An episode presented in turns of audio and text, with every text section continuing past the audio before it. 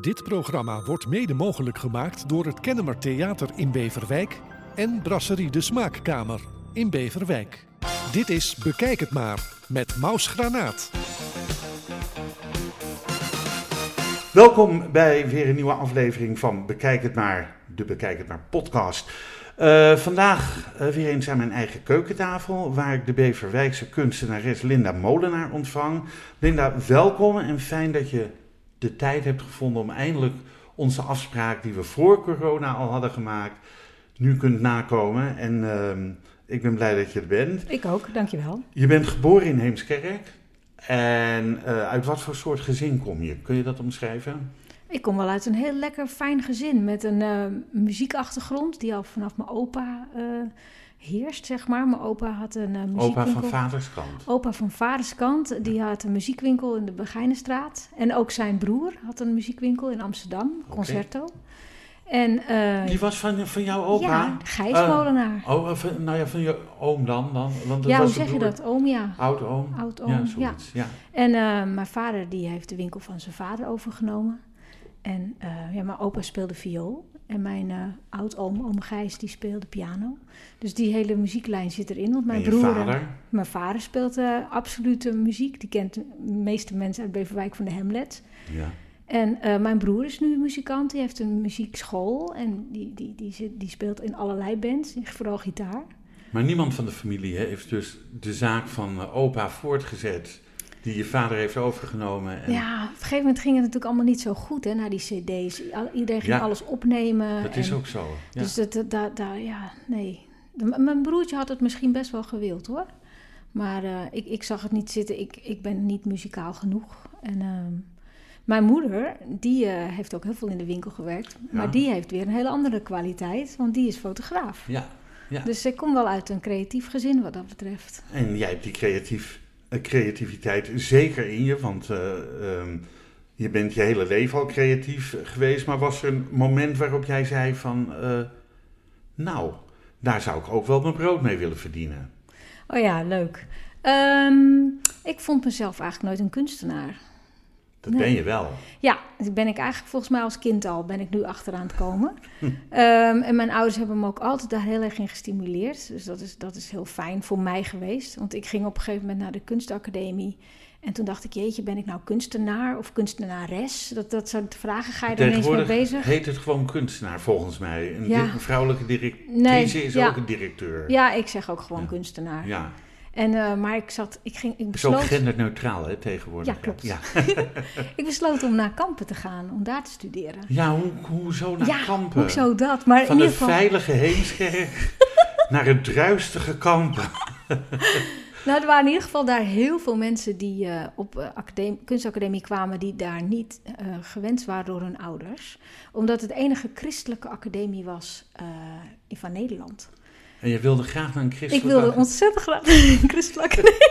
Ik geloof daar helemaal niks van. Vind je dat gek? Nou ja, ik zei wel op een gegeven moment tegen moeder... ik ben toch protestant? Toen zei ze wel, nee, hoe kom je daarbij kind? Je bent gedoopt.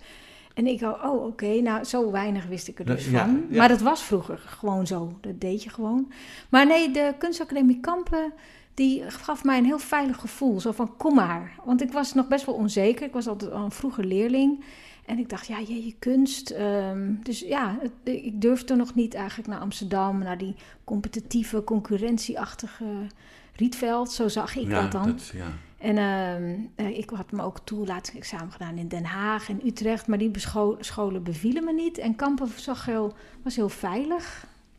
Je bent zelfs tijdens je opleiding een, uh, een jaar naar België gegaan en hebt een jaar stage gelopen bij Jan Fabre. Klopt, ja. Daar had ik nog niet eerder van gehoord. En okay. toen zocht ik hem op. En Ja. toen zag ik zo'n mooie schildpad Ja, van hem, van zijn hand. ja, Zo groot, in verguld, in goud. ja. Dat ik dacht van, daar heb je vast heel veel geleerd en daar heb je heel veel over te vertellen. Ja, ik heb een half jaar, het is niet een jaar, maar een Oh. half jaar. En eh, ik heb de stage, het was een stage, na mijn opleiding gedaan. Want ik vond het eigenlijk zonde van een half jaar opleiding om dan weg te zijn. Dus eh, en toen zou ik een subsidie krijgen, maar die kreeg ik niet omdat ik eh, eh, na school ging doen. Dus ik heb overal potjes eh, weten te vinden om daar... eh, had toen nog geen crowdfunding natuurlijk. Nee, nee, nee. Ik kreeg een fonds voor de podiumkunsten. Kreeg Ja. ik een fonds voor. En eh Fundatie Vrije Vrouw van Schravenhagen. Ja, ik het gevonden heb. maar die hebben mij wel Je gesteund. bent toch heel creatief dus. Ja, ook, ja. ook in het zoeken van fondsen. Ja, en het was eh, eigenlijk wel een fantastische plek voor mij om daar eh, stage te lopen. Wat was er zo bijzonder bij Jan Fabre? Mensen moeten, dat maar, moeten hem maar eventjes googlen, want Ja, ja, hij maakt wel hele bijzondere en mooie projecten. absoluut. Ja. Absoluut. En ehm, het is ook wel een beetje een ingewikkelde man. En dat wist ik al gelijk toen ik toelating zeg maar deed. Maar toen zei hij wel tegen mij, eh, heb jij in mijn schetsboek gekeken?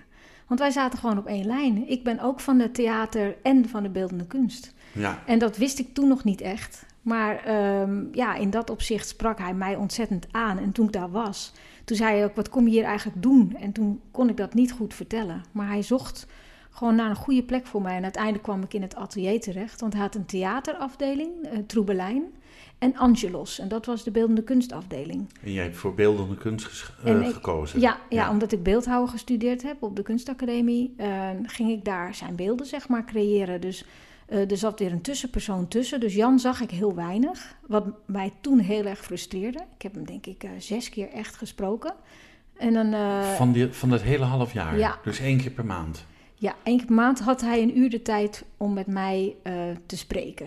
Dus hij was een, een bekend man. Dus Ja. eh, dat Maar kostte... dat is toch al heel bijzonder, denk ik. Nou, dat waren bijzondere gesprekken, ja. En ehm, Kreeg je ook op je kop van hem, van mij, hoe kun je dat in godsnaam doen? Nou, het was een driftig mannetje. Ja. Ik heb daar nog best wel last van gehad. Maar ik ben daarna altijd zo aardig behandeld. eh, uitgenodigd voor alle openingen, premières.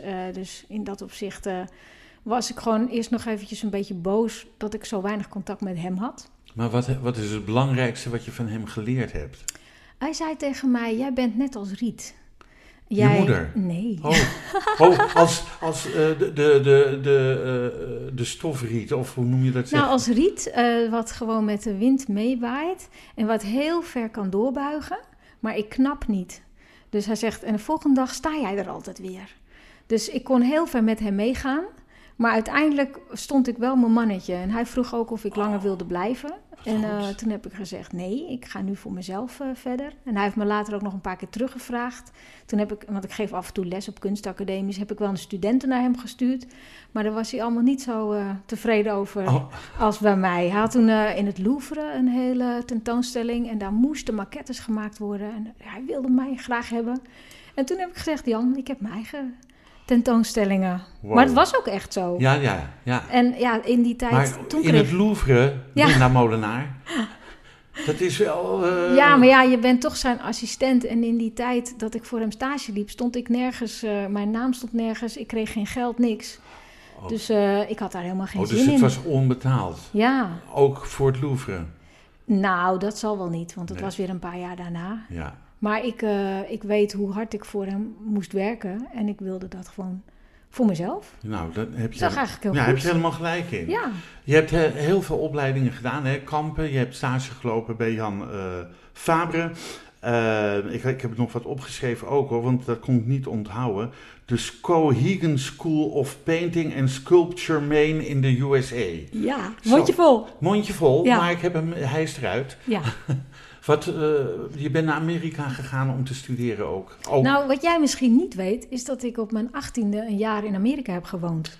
Nee, dat heeft niemand me verteld. Nee, Nee. en eh, dat is voor mij een heel belangrijk jaar geweest. Eh, ik heb daar in een gastgezin gezeten.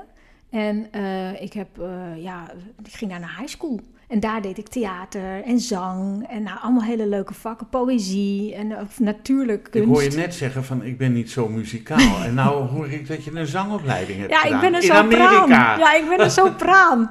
ik, heb- dat wist ik ook helemaal niet. Nou, maar ik, ik, ik heb niet zo, eh, ik kan niet goed noot houden. Ik ben zing een beetje vals.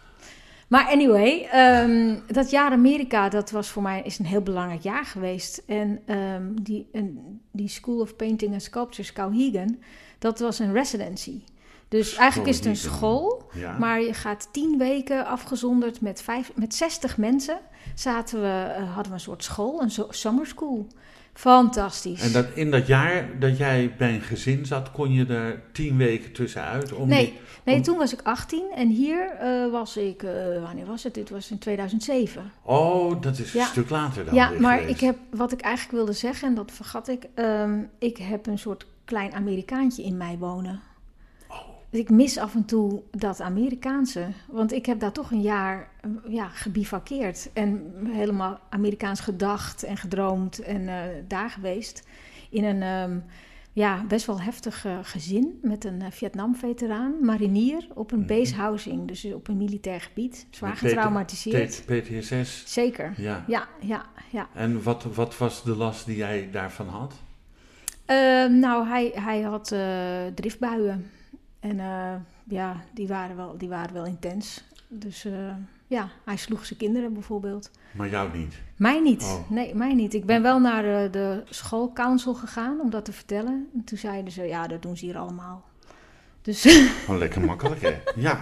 maar ze leven nog. Ik heb ze al heel lang, was ik kwijt, want ze waren verhuisd. Ja. Maar ze leven nog en ik zou ze nog wel graag op willen zoeken. Want ja, ze hebben op hun manier wel hun best gedaan om voor mij te zorgen, een jaar Ja. lang. Maar dat, Moest dat je dat betalen ook? Of- mijn of- ouders betaalden dat. Ja, dat. ja, dat was vanuit de kerk. Komt die, komt die weer, die Daar kerk. Komt, komt die kerk. Je wist niet eens of je gereformeerd of... Maar de, de, de kunst, eh, die is, eh, da- daar komt heel veel eh, vanuit de Bijbel. Schilderijen van Johannes Ja, de Doper. of ja, noem maar. ja, dus het is eigenlijk fantastisch om op zo'n academie te zitten... waar heel veel over ja, kunst gesproken wordt. Waar, dat je er een beetje wat van weet. hm. Ik vond het wel een positieve... Ben je ook iemand die heel vaak naar musea, musea gaat? Nou, Of ik vind het wel leuk. Ja, bezoekt? ja, ja. Ja, ja, ben je al naar, naar eh, ehm, in Amstelveen naar het Cobra Museum naar Frida Kahlo geweest? Nee, ik weet er wel van. Het was tot en met gisteren. Oh, jammer. ik- ja, Het gemist. is mij ook niet gelukt, maar Ja, ja, ik, oh, wat had ik dat graag willen ja. zien. Maar ik heb in Mexico, eh, ben ik in haar huis geweest. Oh, en ja. ik heb een grote tentoonstelling van haar gezien. Dus Oh, dan heb je wel Ja. echt werk van Ja. haar gezien al. En Ja. op de plek waar het gebeurde eigenlijk. ja, Dus ja, het was veel meer voelbaar dan in het Cobra Museum Ja, in Amstelveen natuurlijk. klopt. Ehm, Maar daardoor ben ik dus eh, af en toe in residenties in Amerika en ook wel in het buitenland. En dat zijn wel hele belangrijke momenten voor mij om dan vaak in de natuur te zijn. ja. Want thuis ben ik ook boven de winkel opgegroeid in de winkelstraat. En eh, daar, daar kies ik ook plekken uit waar ik gewoon echt in de natuur ben en aan mijn werk kan werken. Hoe belangrijk is de natuur voor jou? Heel belangrijk. Ja, want je kwam binnen met een verrekijker om je Ja. Je zegt, ik ben even naar de pier geweest, naar de vinkentrek gekeken. Ja! Ik wist niet eens dat hij er was en jij gaat er gewoon naar kijken. Ja, nou eigenlijk ging ik meeuwen kijken. Oh. Want eh, eh, je hebt, eh, meeuwen doen er ongeveer drie, vier jaar over om een volwassen kleed te krijgen. En ik heb nu ehm, met een gids zijn we aan het oefenen hoe je een eerstejaars meeuw kan herkennen. Want er zijn vijf soorten meeuwen in Nederland. Ja, de kapmeeuw. De Kopmeeuw. gro- De Ja. de grote meeuw. eh, Mantelmeeuw. mantelmeeuw, grote man- ja, ja. ja. en dan heb je de geelpootmeeuw, de pontische meeuw, de zilvermeeuw, eh Zilvermeeuw, stormmeeuw. Ja. Ja, het zijn er heel wat. Dus eigenlijk ging ik dat, ging ik dat bekijken. Maar die trek van die kleine vinkjes hele tijd over mijn hoofd. Tenminste, het- ik zag ook een kwikstaart. Eh, het zijn ook gorsjes. Ik, ik weet niet wat het is. Piepers. eh, Allemaal piepers. Groenlingen. Het is een beetje frustrerend, want ik, de, de geluidjes ben ik nog aan het oefenen. Maar ja, het is een, het is een eh, heel inspirerende... Ja, En weet je nu in je hoofd al wat je ermee gaat doen? eh, het vogelen, bedoel je? Ja, met, die inspiratie. Nou, ik ben, eh, over, je had het net over heel veel opleidingen. Ik heb ook een opleiding tot eh, performance kunstenaar gedaan. Maar nu doe ik een opleiding tot natuurgids. En, Oh, ja, dat is heel wat anders. Ja, maar dat geeft mij zoveel inspiratie. Ik heb in de coronatijd nu 200 braakballen van eh, kerkuilen uit elkaar gepluist. Waar je zin in hebt. En ik heb, eh, ik heb van die muizenhoofdjes heb ik een beschrijf met muisjes gemaakt. En ik ben met de bovenbeenbotjes aan het schrijven. Dus eh, ja, er komt altijd wel weer wat eh, uit tevoorschijn. En nu ben ik dat met... heette een- dan hanenpoten, of niet? Nee, nog niet. Maar misschien. En de, de ringen, vogels die vliegen natuurlijk over de hele wereld met zo'n ringetje om. Dus ik probeer nu die ringetjes te krijgen, maar dat is nog wel heel erg moeilijk. Maar ja, zo is er in de natuur voor mij heel veel materiaal wat mij eh, aanzet tot eh, creatief nadenken en dat omzetten tot een werk. Leuk. Ehm, ik kan me voorstellen eigenlijk dat je je kunst ja, overtuigend wil brengen op mensen hè, die ernaar komen kijken. Kun je uitleggen wat je voorbereiding is om met de technieken die jij gebruikt dit te kunnen bewerkstelligen? Of stel ik mijn vraag heel onduidelijk? Nou, misschien uh, geef ik wel een antwoord die weer een hele andere kant op gaat, maar ik zal proberen. Ja, probeer maar. nou ja, het, het, materiaal is eigenlijk vaak mijn inspiratiemoment. Uh, uh, en dan ga ik kijken wat ik met het materiaal kan doen. En dat nodigt mij uit tot de techniek die ik soms ook niet ken, om mijn eigen te maken. Dus, ehm, de, en dat zijn mijn avonturen. Dus ik heb te maken met mensen waar ik normaal niet te maken mee zou hebben. Bijvoorbeeld met mensen die vogelringen uh, omdoen of uh, noem maar wat. Mensen die braakballen oprapen voor mij uit schuren. Dus dat is al een leuk avontuur, want dat haalt mij weer uit de stad. Ja. En dan uh, is het het materiaal van wat ga ik daarmee doen? En wat heeft het materiaal nodig om te bewerkstelligen naar het beeld wat ik wil maken? Hoe intensief zijn de technieken of de, de, de, de bewerking, hoe moet je het noemen? Hoe tijdrovend is dat? Um, als ik echt... Kijk, ik, ik, kan me, ik, ik, kan me voorstellen dat, uh, um, uh, dat een steenpolijsten en dat heel mooi glad maken uh, veel tijdrovender is dan een, een jurkje stikken of zo, weet je wel? Dat, maar, maar ik, het, ik, ik heb hier een hele hoop foto's, dat kunnen luisteraars niet zien. Maar ik zie zoveel verschillende technieken die je gebruikt voor het maken van jouw kunstvoorwerpen en, kunstvoorwerpen en je performances. Mhm. Dat ik denk van jeetje, Linda, hoe, hoe, hoe werkt dat in dat brein? Nou ja, een kunstwerk even snel maken. Nee, niet even snel. Dat gebeurt bijna niet. Nee, nee, dat kan en uh, als ik een uh, residency voorbereid, dan is het meestal ben ik in het buitenland voor een maand. En uh, dan is de voorbereiding ongeveer twee maanden. Het idee bedenken en alle materialen kopen en goed uitzoeken hoe en wat. En dan ja. moet ik dat meenemen naar het buitenland. En dan ben ik er een maand mee bezig. Dus eigenlijk, als ik een beetje goed, ben ik drie maanden met een werk bezig. Want soms in Nederland ben je natuurlijk heel erg afgeleid. Maar in ja, als je beschuit met muisjes wil maken van braakballen van uilen. Ja, ja.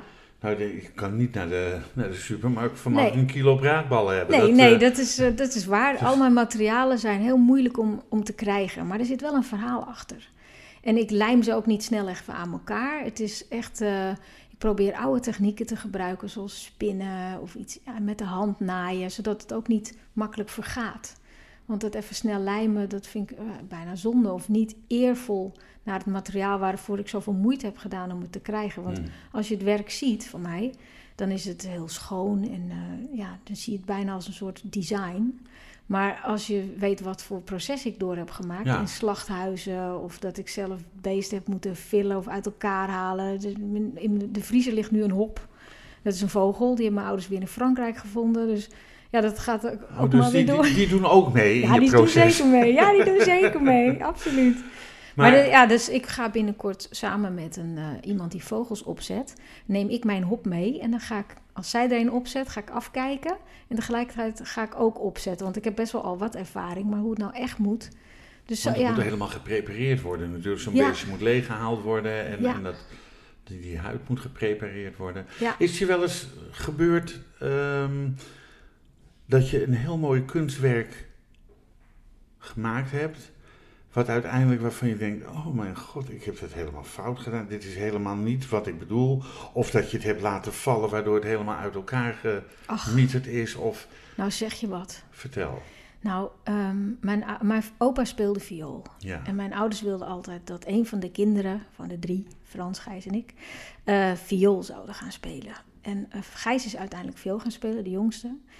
Uh, ik niet, maar de, die viool, dat, dat, was een, dat was een ding. En uh, het is natuurlijk ook een prachtig instrument. Ja, heel mooi. En uh, ik dacht, ik ga iets doen met geluid zonder geluid, omdat ik niet een muzikant ben.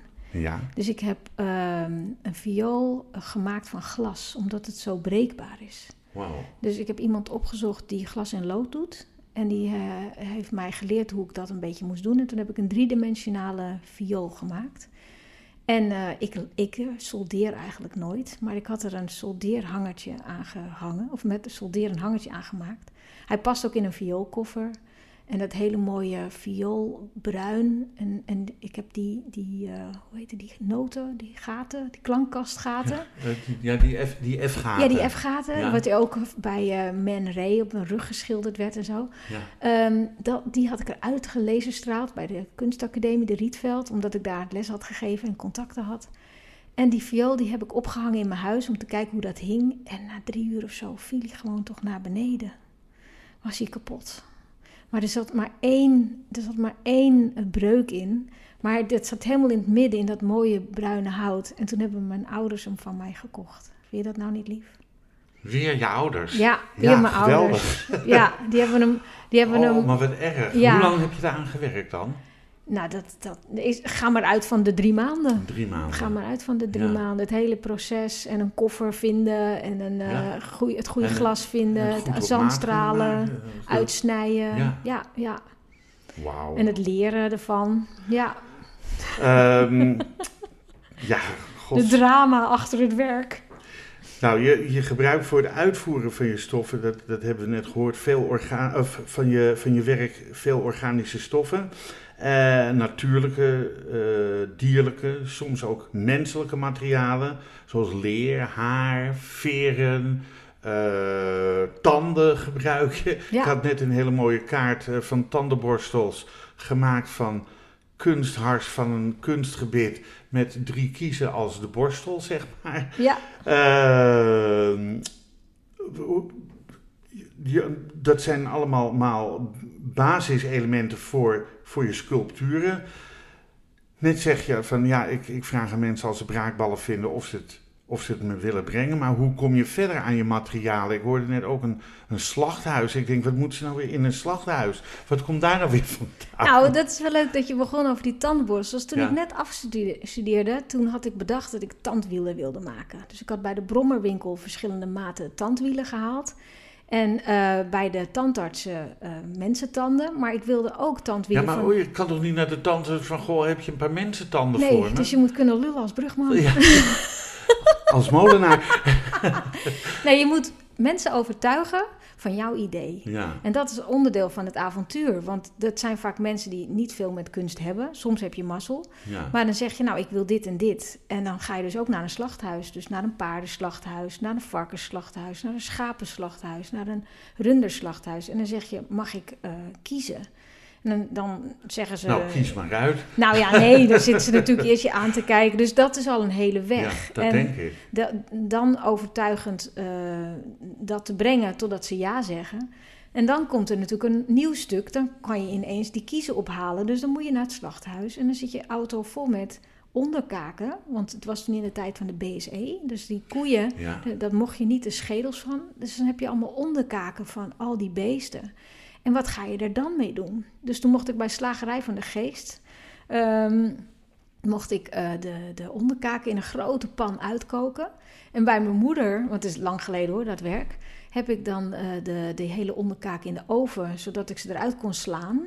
Dus heb ik al die tanden verzameld. Dat heb ik ook nog gekookt natuurlijk. Toch blij dat ik bij je moeder geen kies gegeten heb oh, of zo. Oh, oh, oh, oh, oh, oh. Nou ja, het was wat. Eén grote splinterbende van al die onderkaken. En toen mocht ik van Kees Bilderbeek, die heeft het tandtechnisch laboratorium, had hij. Hij is al jammer genoeg overleden. En toen mocht ik daar drie maanden werken bij al die mensen die daar die um, um, beugels. beugels. en um, ja, inzetstukken voor je mond, Bruggen, protheses. Uh, protheses ja, ja. En mocht ik daar werken en dat grotere werk deed ik dan s'avonds. Dat vond hij allemaal goed. En uh, nog niet lang geleden, een paar jaar geleden, kwam ik met het idee van die tandenworstels. En toen mocht ik weer met assistentie van mensen die hem hielpen, hebben zij mij geholpen om die uh, tandenborstels met mensen kiezen te maken. Maar Wow. ga maar eens naar een tandarts en vragen: uh, mag ik kiezen, maar ik doe niet een tandartsopleiding. Dat Ja, is, dat is ja. eh, best lastig, want er zijn mensen die eh, voor een tandartsopleiding die die kiezen ook willen hebben. Dus dan moet je een potje brengen met wat eh, chloor, geloof ik, erin. En dan sta je achter aan de rij met je potje. Maar ik heb ook een performance gemaakt met 1750 mensen kiezen erin. Dus dat waren 130 tandartsen die ik moest benaderen. Maar ik, ik, je had toch ook een soort tandwiel gemaakt? Ja, dat is dat tandwiel. Maar ik dacht dat daar 4000 kiezen in zaten. Nee, er zitten 1750 kiezen Oh, in. 1750. En er zitten, het is molaren heet het, want ik heet molenaar. Ja? En dat is oh, een, van een maalsteen. Ja. En die kiezen kunnen malen. ja. En als ik daarin koprol, ik heb 125 keer gekoprold in... Ik in heb het eh, filmpje gezien. Ja, dan ja. gaat dat door merg en been, dat geluid. Ja. Dan hoor je dat gemaal. Ja. Dus, eh, en er zitten ook twee gouden kiezen in. Maar nou eventjes zakelijk, dan heb je dat gemaakt. Ja, En je hebt er 120 keer in gekoprold. ja. En dat maakt een vreselijk kabaal en iedereen ziet dat. Wie zegt nou, ik wil dat ding wel kopen, die molair? Nou, eh, ik heb zelf besloten, want ik ben totaal niet commercieel, dat, eh, dat die performances niet gekocht kunnen worden, maar ik wil ze wel uitvoeren. Dus je kunt mij eh, Inhuren. inhuren en daar verdien ik dan geld mee. Maar die performances die mag je niet van me afkopen. Ik heb een keer een paardenhoofd gemaakt van een Fries Ja. paard. Ik heb hem gezien hier Ja. ergens, volgens Ja. mij ook. Dus het was best wel moeilijk om aan een Fries paardenhuid te komen. Maar in Friesland was er een noodslachter. Ja, En die oh, hadden ja. een verzekeringsgevalletje. En dat betekent dat er een wit vlekje op de huid zit. En dan wordt het Friese paard afgemaakt. Ach, En eh, om het ras zuiver te houden. deze is het. Die ja. En toen mocht ik die huid kopen. Dus die heeft hij van mij toen gevild. En toen was er gelukkig een, ehm een schapenhuidenfabriek daar in de buurt. En die heeft eh, met mij dat vacht, dat vacht ingezouten. En toen hebben we hem naar Duitsland gestuurd. Want dan zit je ineens op een dinsdagmiddag met een bloederige vacht achter in je auto. Maar die ging dus, daar is hij gelooid. En zo is hij weer eh, teruggestuurd. Maar nou ben ik je vraag kwijt, want ik ga weer helemaal enthousiast. Nee, maar ga, ga, maar, ga paardenhoofd. maar even door. Want het, het ging over de, over, je, over, eh, eh, over de materialen, de organische materialen die je gebruikt. En toen kwamen we op Oh, New York. En New York. Oh ja, en toen, nou, ik heb dat paardenhoofd, dat kan overal. Dat kan in een gangpad, dat kan op een weiland, dat, dat kan overal. En toen heb ik hem dus in een koffer mee naar New York genomen. En dan heb ik daar op een beurs gestaan. Mocht, mocht je dat meenemen naar New York? Nou, Was, die, dat was ook net na die tijd dat je geen spullen van het eh, boerderij mee mocht nemen. Maar ik Ja. heb hem er gewoon in een koffer gestopt, op goed geluk. Maar anders was ik hem het kwijt is toch zo geweest. groot als een paardenhoofd? hij is toch- groter. Hij is Ja. groter. Maar ik pas daar dus in. En ik borstel heel langzaam de manen van het, van het paard. En deze foto is in eh, Chelsea, in New York genomen. En daar reed iemand voorbij op de fiets en die zei... Het is net Godfather. Oh, Maar Joh. ja, hij gaat dus best wel op reis. Hij is ook al in eh, Slovenië geweest. En, eh, ja. kan je dan zeggen, hij heeft zijn geld opgebracht? ja, oh, het ging natuurlijk over, Ja, het ging over geld. Ik was op de beurs gedeelte. in New York. En daar, ehm, de Scope heette die beurs. En daar was een meneer en die wilde dat werk van me kopen. En dat werd een hele interessante discussie, ook met de galeriehouder. Van, Ja. En toen ging ik het hoog spelen. Eh, ik zei, en dan?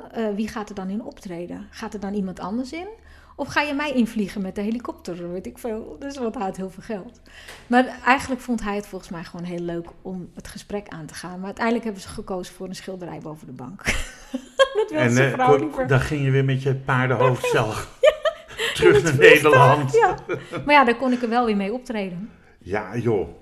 Hebben, ehm, ja, zo'n huid moet natuurlijk eh, gelooid worden, dat zei je net. Ja. Eh, maar hebben jouw organische materialen bepaalde behandelingen nodig waarvan je denkt, oh, moet, moet je dat met dat doen om het uiteindelijk goed houdbaar te kunnen worden, te, te kunnen, eh, goed houdbaar te kunnen krijgen.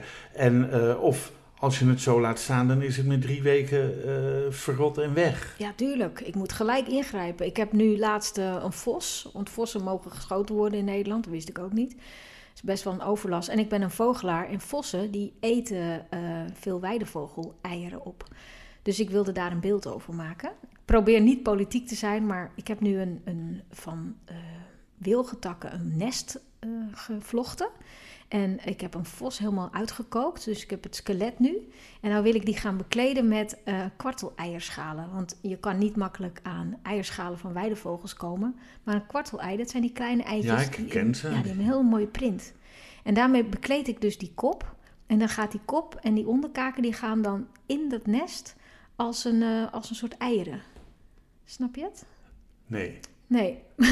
het is ook Nee, nog niet klaar. Nee, nee, dat is een beeld waar ik nog mee Ik bezig probeer ben. me eh, een uitgekookte vos voor te stellen die met eierschalen bedekt wordt. Ik denk, hoe zie je dan nog dat het een vos is en hoe, hoe wil je dan uitbeelden dat hij met zijn bek in die eieren zit? Nee, hij is zelf eigenlijk ook de eieren. Maar ik Ja. doe de staart en de pootjes zitten er ook in. Want een vos herken je aan zijn staart. Eigenlijk als je naar mijn performances kijkt, het paardenhoofd staat eigenlijk voor het hele paard. Hm. En je ziet ook die zwaanshals, dat ik dan eh, met eh, mijn eigen nek aan het breien ben als zwaan. Je hoeft die hele zwaan niet, maar je hebt alleen al die zwaan en die nek. En dan heb je al die hele zwaan. En bij een vos is dat eigenlijk zijn staart. Als ik je zo hoor praten, Linda Molenaar, dan denk ik van, goh meid, waarom ga je daar niet iets van een toneelstuk mee maken met die figuren die je hebt gemaakt? En waar jij dat niet alleen in zit, maar waar ook andere mensen in zitten. Je ziet heel veel poppenvoorstellingen van Nijntje en van, eh, ja, noem maar op. Ik denk dat je daar een hele mooie of is dat nooit jouw bedoeling Nou, geweest? ja, ik vind het heel leuk dat je dat vraagt. Kijk, ja, ik heb natuurlijk die eh, performanceopleiding gedaan, DASARTS in Amsterdam. Dat was een Master of Theater. En ehm, ik, kom, ik, ik voel me echt een beeldhouwer. Ik, ik maak geen beelden van hout of steen. Ik, hou niet, ik haal niet zeg maar weg, maar ik bouw op. Ja, En, ehm, dus eh, met klei zou je wel een hele hoop kunnen. ik heb wel met klei gewerkt, maar op het EKWC, dat is het Keramisch Werkcentrum. En daar heb ik gezegd, ik weet niks van klei. En ik weet ook niet of ik er wat mee kan, maar ik wil dat proberen. Dat was ook een residency en dat is gelukt. Maar voor mij is dat een heel vormeloos materiaal. Wat je, Klei, ja, dat kun je toch vormen in alle vormen ja die... dat, dat, is ook gelukt. Dat heb ik ook wel gedaan. Maar ehm, nog even terug naar het theater. Want Ja. anders kan ik, mijn hoofd gaat dan te veel dingen zeggen. Ehm, ik, al die kunstwerken, die performances, daar kan niemand anders in. Daar kan, dat is op mijn maat gemaakt. Mhm. Er zou wel iemand in kunnen, maar dat is Maar nog met nooit gebeurd. typecasting kom je een heel eind. Klopt. Ik, ik, klopt. Maar ik wil dat eigenlijk ook liever niet. Waarom niet? Omdat ik zelf heel goed weet wat ik uit wil beelden. En meestal, dat klinkt onerbiedig, maar zo bedoel ik het niet, maar is het niet vermakelijk, zoals theater. Kijk, met theater heb je echt een verhaal.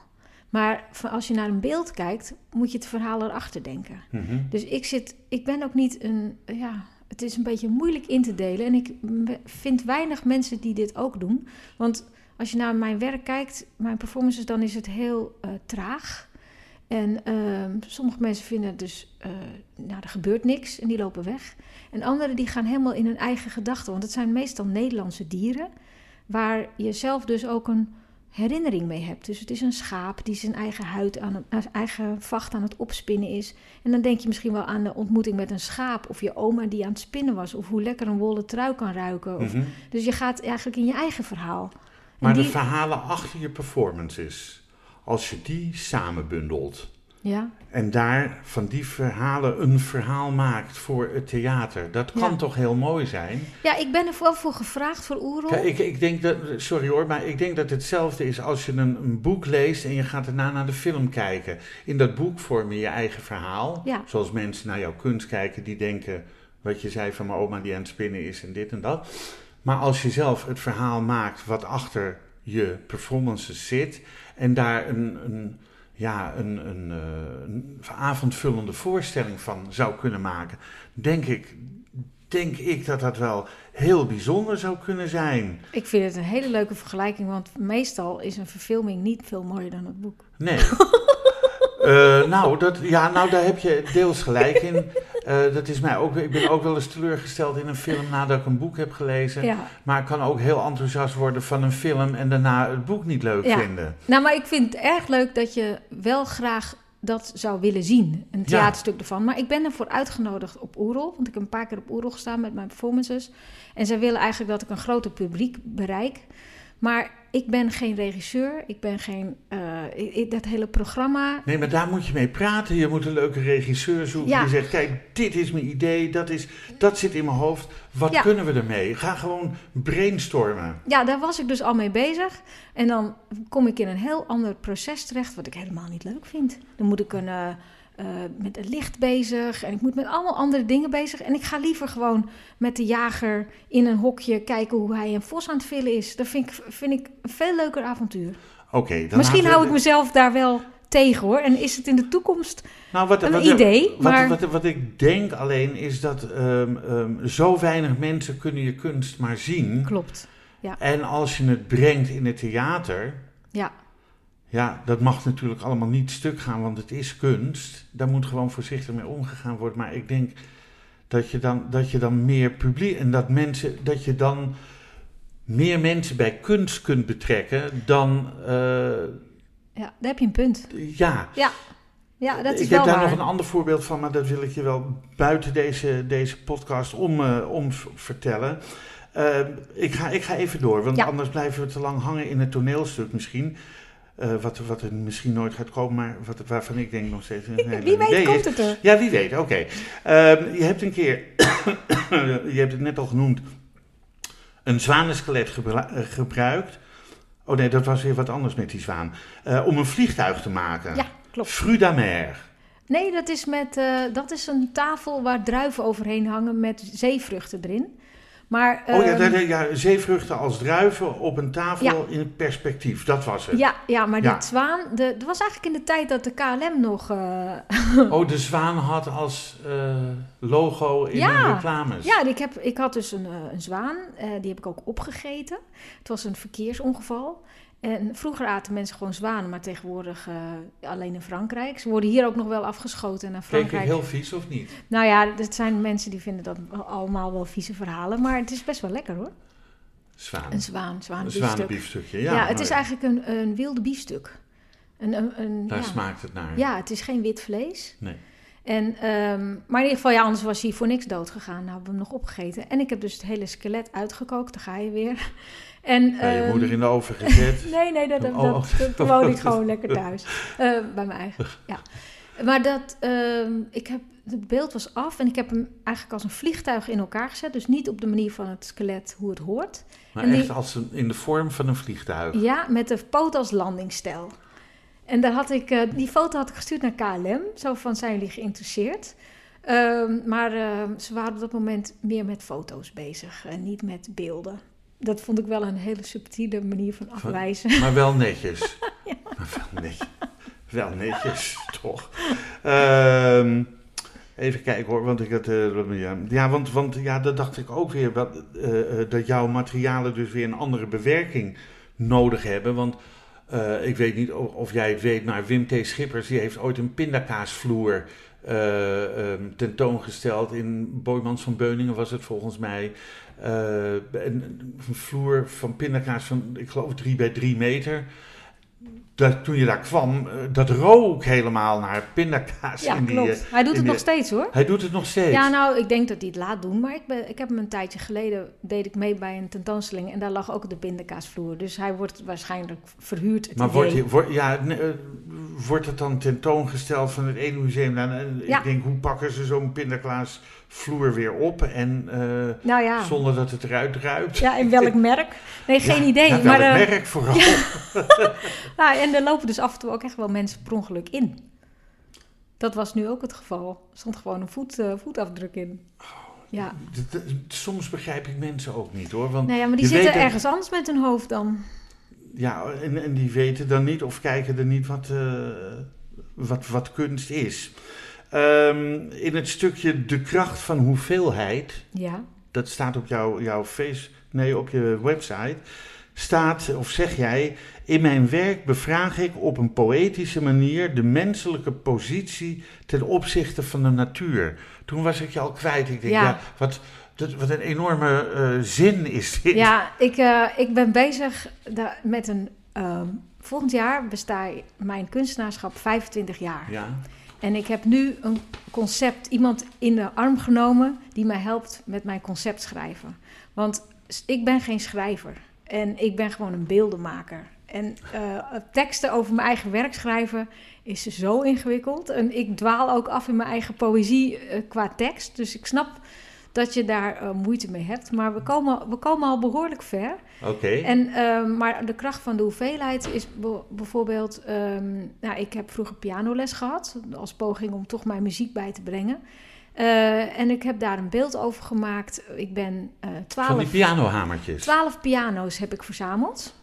Nee, dat... eh, dat oh, Ja. ja, ja, Ja, ook- ja. Nee, ik had het uitgerekend. Want een vleugel eh, gemaakt van, van duizend verzaagde Ja, pianohamertjes ik heb, was het. ik heb ze in drieën gezaagd, de En, en ik dacht, Eén piano heeft 88 toetsen, Ja, dus ook 12. 88 hamertjes. ja. Dat zijn 12 keer, eh, toen ben ik het uitgerekend, hoeveel eh, keer 12.000 is. Of hoeveel keer 88.000 duizend is. En toen kwam ik inderdaad op 12 piano's je gesloten hebt. Ja. Terwijl dat prachtige instrumenten zijn. ja, maar die kwamen van een soort pianokerkhof. En, Bestaat ehm, dat? Ja, dat bestond. Het was natuurlijk weer heel veel zoeken. Ja. En uiteindelijk kom je in een hele grote hal en krijg je zo'n heel zwaar ding mee. Want er zit echt een brons of zo. Zit er ja, een- koper volgens koper. Ja, ja. Ja, en, en al die hamertjes, dat is dus ook weer allemaal van andere kwaliteit. Dus een, eh, volgens mij Russische piano's hebben wit vilt, alleen maar wit. Maar zoals de echte Steinway, die heeft weer paars vilt. Paars vilt, ja, En dan ja, heb je ja. blauw vilt en groen vilt. Dus er zit allerlei soorten vilt. Dat, dat, en de, het vilt heeft een andere kwaliteit. Het is soms geniet, soms gehamerd, andere lijm, ander hout. Dus het bewerken en het zagen van al die hamertjes kwam ik erachter wat kwaliteitvol was of niet. En er zit allemaal weer een ander hoekje aan, omdat ze in die piano ook weer met een andere bocht eh, z- En wat zitten. was voor jou het meest eh, kwaliteitvol? Of Nou de ja, ik beste vond die- kwaliteit? Nou, ik was natuurlijk helemaal gek van die Steinway. Hallo. Ja, Steinway. een beetje Steinway kost 100.000 euro. Ja, dus ik had een paar Steinway-hamertjes kunnen scoren. Bij, eh, in Haarlem was er iemand die piano's restaureert. En dan kon ik af en toe weer een pa- paar hamertjes bij hem weghalen. Ik denk dat ze bij hem vandaan kwamen. Dus Wow. ja, de kracht van de hoeveelheid. Kijk, en het he- werk heet vleugel, omdat eh, ik, het zijn eigenlijk bijna veertjes nu. Ja. En eh, je hebt natuurlijk een grote, de grand piano in eh, Amerika. Dat heet, in het Nederlands is dat een vleugel. Ja. En ja, dan vlieg je weg met de muziek. Het is wel een one-liner bijna, maar ja, zo, zo zit mijn hoofd een beetje in elkaar.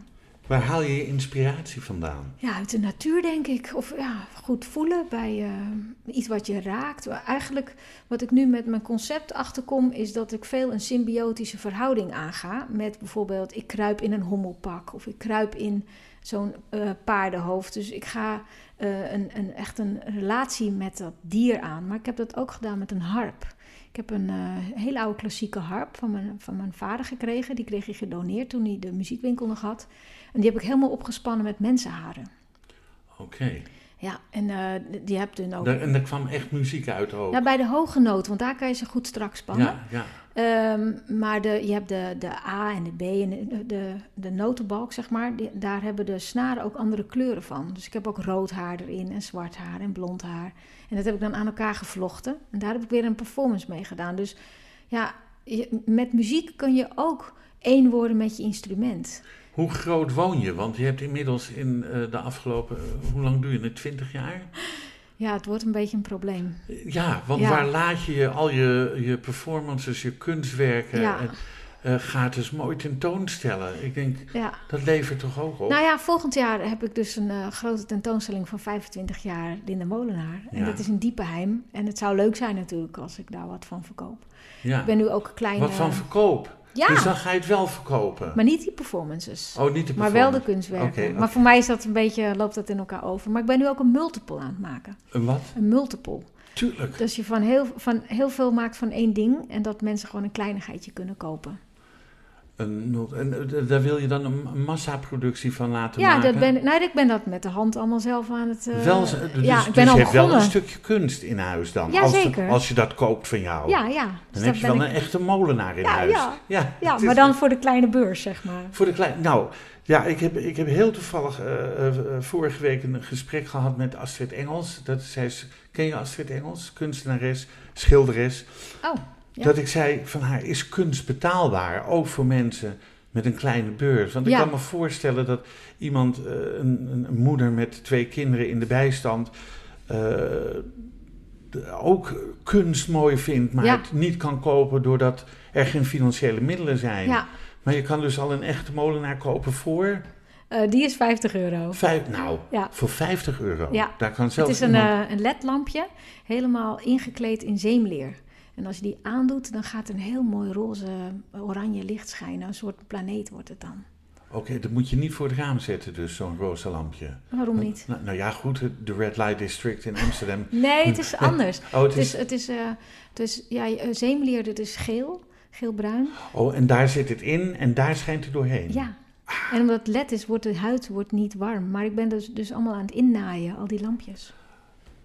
Wat een, eh, ik wou zeggen, wat een, een enorm, enorme klus. Ja, Ja. maar over, ehm, kijk, over werk verkopen. Ik ben, ik, dat materiaal, daar heb ik zoveel affiniteit mee. Dat als het werk af is, vind ik het ook best wel moeilijk om daar afstand van... eh, Jawel, maar je moet toch ook doen? leven, Linda Molenaar? Ja, maar daarom, kijk, ik, maak, ik doe geen concessies. Ik maak gewoon echt waar ik zin in heb. Met die tanden had je ook zoiets van, dat vind ik een vies werk. Toch? Met die... Tanden. Ja, Nou, er zijn heel veel mensen die... Laatst was er ongegeneerd iemand die wist niet dat ik die tandenborstels had gemaakt. En die zag dat kaartje liggen en die zo... Gadverdamme, wat is dat smerig. ja. En, maar dat doet me niet pijn of zo. Nee. Ik, ik zit Maar daarnaast ik zou je ik er een tandenborstels beetje... ook niet aan de muur willen hebben. Nee, nou, er zijn De- mensen die daar ander over denken. Ja, die heb ik trouwens wel verkocht. Oh. Maar de, de, het, het, eh, ik maak echt wat ik zelf graag wil maken. Maar soms is dat voor mensen een beetje te confronterend of te, te vies. Hm. Dat ze zoiets hebben, nou, dat vind, ik- vind ik niet mooi. Maar ik werk nu al 22 jaar eh, freelance bij de Nationale Opera en Ballet. En daar verdien ik dan, eh, in Amsterdam is dat, verdien ik dan het geld zodat ik kan... Je basisinkomen ja, wat, mee. eigenlijk zie ik dat als mijn mecenas. Mecenas. Ja. Oh, Wat, wat, wat voor woord? Ik Dat hoorde is het een, je eh, straks ook zeggen, maar ik denk, ik heb het verkeerd verstaan. Nou, een hoor- mecenas is eigenlijk uit de oude tijd dat als een kunstenaar geen geld verdient, dat hij dan iemand heeft die jou een beetje onderhoudt of geld geeft. En ik werk er dan wel voor, Ja, ja. maar het is wel al 22 jaar een soort van terugkomend inkomen, wat ik daar los en vast eh, bij elkaar eh, sprokkel bij de requisieten of in de decors of als kleedster. Ja. Ja. Ehm, heb je wel eens last gehad van een, ja, door mij verzonnen woord, volgens mij bestaat het niet, van een creation block? Ja, Bestaat het woord wel of niet? Want ik Ehm. denk, ja, een writer's block ja. bestaat bij auteurs. Ja, ik weet er eigenlijk ook niet een ander woord voor, maar dat komt, af, dat komt zeker voor. Maar ik heb wel leren vertrouwen in dat het altijd terugkomt. Dat, je moet gewoon erop vertrouwen. Heb je angst om te falen of niet? Eh, ik ben wel een beetje een control freak. Ik denk dat daar dan wel een soort van faalangst achter zou kunnen zitten. Ja, Het moet wel gaan volgens jou, vol- volgens het idee wat jij hebt. Eh, ja helemaal. Helemaal. Ja, het is, is ook best wel ehm, ehm, dwangmatig als je naar mijn werk kijkt. Het zit helemaal ingepakt en ingenaaid. Er zit niet En alles op jouw maat. helemaal, ja, Ja. Het is niet, er zit niet een hele grote vrijheid in of zo. Hm. Die, dat paardenhoofd zag ik, daar zie je langs de hals van dat paard zie je nog twee handen. Eentje. Ja, ik zie Ja. maar eentje, omdat van één oh, de, aan, de andere kant zit, kant. aan de andere kant zit het dus Ja. gewoon niet. Ja, die borstelt de Oh, manen. kijk hier deze. Oh, die borstelt hem aan. Oh, ik dacht dat je hem zo vast had. Oh ja, Nee, het, het nee. is een borstel, ja. Ja, Oh, nou zie ik het ook. ja, dus de, de, het paard borstelt eh, zichzelf. Hij glanst wel mooi. Ja, mooi hè. Er zitten ook allemaal extensions in. Want eh, er zit zoveel haar op, aan dat paardenhoofd. Dat heb ik toegevoegd. Want een van mijn favoriete leveranciers is de strijkstokkenmaker. Er is in Amsterdam eh, meerdere trouwens, eh, strijkstokkenmakers. Oh, die En- hebben paardenhaar ja, natuurlijk. en die gooien dat weg.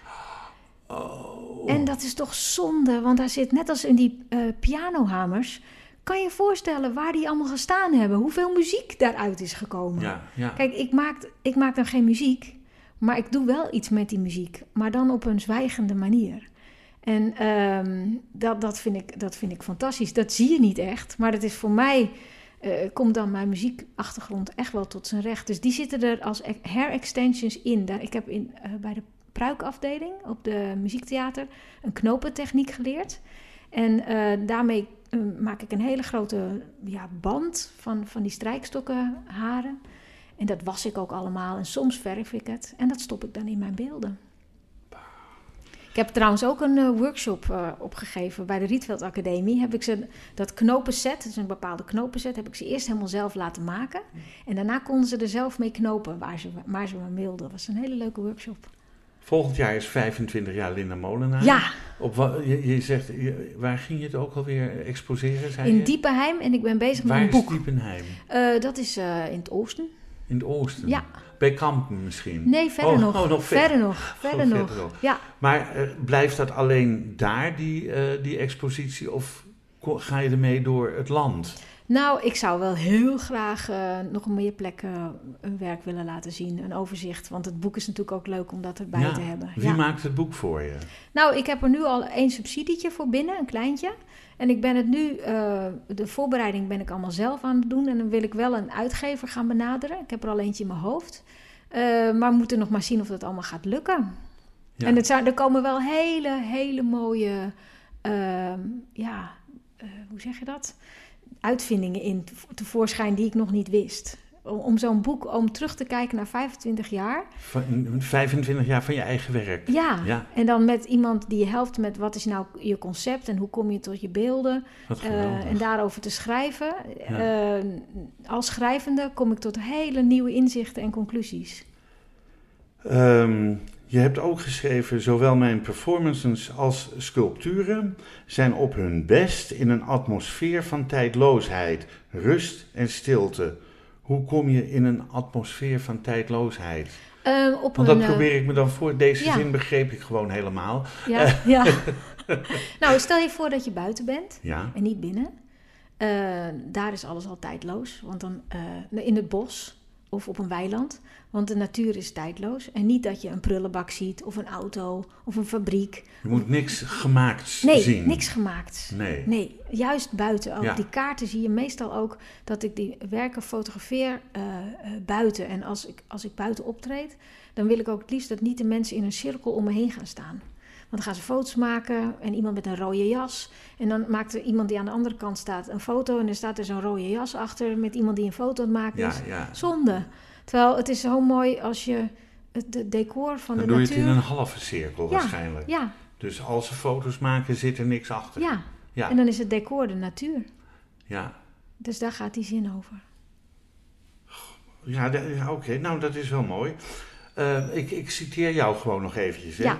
Mijn oeuvre is zinnelijk, staat op zichzelf, heeft een ziel en bevat iets hoopvols. Het is gemaakt door hoofd, hart en handen. Ja, Dat laatste snap ik heel goed. ja. En eh, mijn oeuvre is zinnelijk en staat op zichzelf. Ja, ik ken bijna niemand die op de, die manier werkt zoals ik dat doe. Ja. Er, is niet, er zijn niet zoveel mensen die het zo doen. Heb je wel mensen ontmoet die het op die manier doen? Nou, weinig eigenlijk. Ja. Lijkt het je niet leuk om mensen te ontmoeten die het ook op die manier doen en misschien eens met elkaar de handen ineen slaan om een mooi project te maken? Ja, ik ben toch wel een solist, hè? En, eh, maar ja, ik denk dat ze dat alle drie zijn, maar om dat als een soort eh, ehm, ja, project met z'n met z'n drieën of met z'n vieren iets heel moois te creëren. ja, ik denk dat eh, dat iets voor de toekomst absoluut is. Maar tot nu toe is dat bijna niet, eh Dus niet dat het stoppen we naast het toneelstuk in de diepvries, zeg maar. Ja, nou, ik, ik, ik ben er wel achter gekomen dat ehm, na 25 jaar, nu ik dat met die tekst bezig ben, dat er misschien wel een nieuwe periode aan gaat breken. En dat ik minder eh, het benauwende eh, werk wil maken, maar vrijer, opener werk en misschien dan ook wel samen wil gaan werken. En eh, ik ben een opleiding dus tot natuurgids aan het doen. Dus misschien Ja, dat komt is wel die. heel leuk. Ja. Ja. misschien komt dat ook wel tot zijn recht. Ik heb binnenkort ook een gesprek over hoe ik beeldende kunst en eh, natuurgids kan gaan combineren. Maar ga je ook wel dan met groepjes mensen de natuur in? Daar ga ik dus een vorm in willen zoeken. Ja. Maar daar ben ik nog niet uit. Maar ik denk dat ik daar iets heel speciaals juist in wil. En niet alleen maar daar staat een beeld en dit is een blaadje en van die boom. Maar, maar wat voor vorm dat gaat krijgen, daar, daar ben ik nog op aan het broeden. Twee jaar geleden ben ik eh, ook met een groepje mensen ehm, rond deze tijd het, het bos ingegaan, of een duinwandeling gemaakt, eh, voor paddenstoelen. Oh ja, ja. En het is ongelooflijk hoeveel paddenstoelen soorten er zijn waar je normaal of langs loopt of niet ziet of eh, misschien zelfs erop trapt. ja. Dat ik denk van wauw, dat was een hele interessante, Ging een wereld voor je open. van heksenkringen tot boleten tot, Ja. eh, ehm, eh, hoe heet die, die, die rode met witte stipjes, de zwammen. nou ja, kom er zo gauw niet op. Prachtige wandeling van twee uur gemaakt. Ja. Dat, doe jij, dat ga jij dus doen. Dan Nee. schrijf ik me nu in. Nee, nee, Oh, dat nee. ga je niet doen? Nee, nee. Maar die, eh, dat is ook heel populair hoor. Oh, met paddenstoelen, Paddenstoelenwandelingen. Oh, Oké. Ja, ja. Ja, en nu beginnen mensen ook steeds meer te realiseren dat uh, mycorrhiza, dat is een meer onzichtbare paddenstoel, uh, ook een verhouding aangaat met bomen. En dat dus bomen met elkaar uh, transportlijntjes hebben en dat schimmels dat dus doen. Dus daar ben ik ook wel heel veel over aan het lezen. Heel interessant. Dus de paddenstoel is namelijk eigenlijk de bloem van de schimmel. Je zei aan het begin, je moeder is fotograaf. Zijn er ook momenten dat je zegt, mam, ga even mee, want ik heb zoiets moois gezien. Of als we nu gaan wandelen, kunnen we dat en dat tegenkomen. Dus het zou wel mooi zijn als je dat zou fotograferen. Uh, nee, dat niet. Maar mijn moeder heeft me wel altijd alles over de vogels en dieren heel erg bijgebracht. Ja. We, we hadden zelfs op het balkon een geit. En konijnen en vogels. En, eh, de, de, de, we hebben zelfs meeuwen in huis gehad. Kwartels, uh, cavia's, honden, katten. Kippen hadden we in huis. Drie Kooikerhondje. Een kooikerhondje. maar toen was ik al het huis uit. Afghaanse windhonden. Kijk, ik werk natuurlijk met heel veel lang haar. Ja. Maar die Afghaanse windhonden, die hadden ook allemaal lang haar. Dus dat komt allemaal ergens vandaan, hè? allemaal afgeknipt? Nee, nee, oh, nee, dat heb ik niet afgeknipt. Maar ik dacht, is het niet een idee om zo'n fotograaf mee te nemen... die dan datgene voor jou fotografeert? Nou, nee, ja, de mensen zijn zelf nu ook heel vaak al met hun telefoon aan het fotograferen. Is dus, ook zo, uh, ja. Nee, dat is daar, ook daar zo. zie ik niet echt wat in. Um, is er iets op jouw vakgebied wat je nog niet eerder hebt gedaan, maar waarvan je zegt, dat zou ik wel heel graag willen doen een keer? Nou, stiekem is dat toch wel geregisseerd worden eigenlijk. Nou, dat, ik denk dat dat heel moeilijk is, want je bent bijna niet regisseren. Want je wil alles zelf doen. Ja, maar dat is een denk ik... En heel perfectionistisch. Ja, ja, dus dat wordt een nieuwe taak misschien om, uh, om los Daar te zou je dan voor open moeten stellen en open moeten staan voor datgene wat een regisseur... Dat je zegt, nee, dat hoort daar te staan Ja. en niet daar. Ja, ja, Kijk er nou eens naar die, en die dan jou moet overtuigen dat hij gelijk heeft of zij. ja, Ja. ja, dus dat, eh, er valt nog veel te leren, toch? Ehm, wat zou je tegen jonge kunstenaars willen zeggen die aan het begin staan van hun of opleiding of van hun carrière? Dat je zegt, jongens, als jullie kunstenaar willen worden, op wat voor gebied dan ook, beeldend kunstenaar, schilderkunst, eh, performances, eh, wat jij doet, wat zou je ze willen meegeven? Ehm, nou, blijf zoveel mogelijk dicht bij jezelf en geen concessies doen. Ja, daar gaan we weer. Geen concert. Hoe kun je dan met een regisseur werken? Ja, nee, maar het is, het, Nee. het is heel fijn om aan je eigen lijn te werken. Ja. En eh, het is natuurlijk super gaaf om opdrachten te krijgen. Eh, maar probeer wel dan dat je je opdracht ook zo mag maken dat, hoe jij het wil. Ik heb op het moment een opdracht in een landhuis. Ehm, en ik mag eh, reageren op het landhuis en dat wordt een wandeling.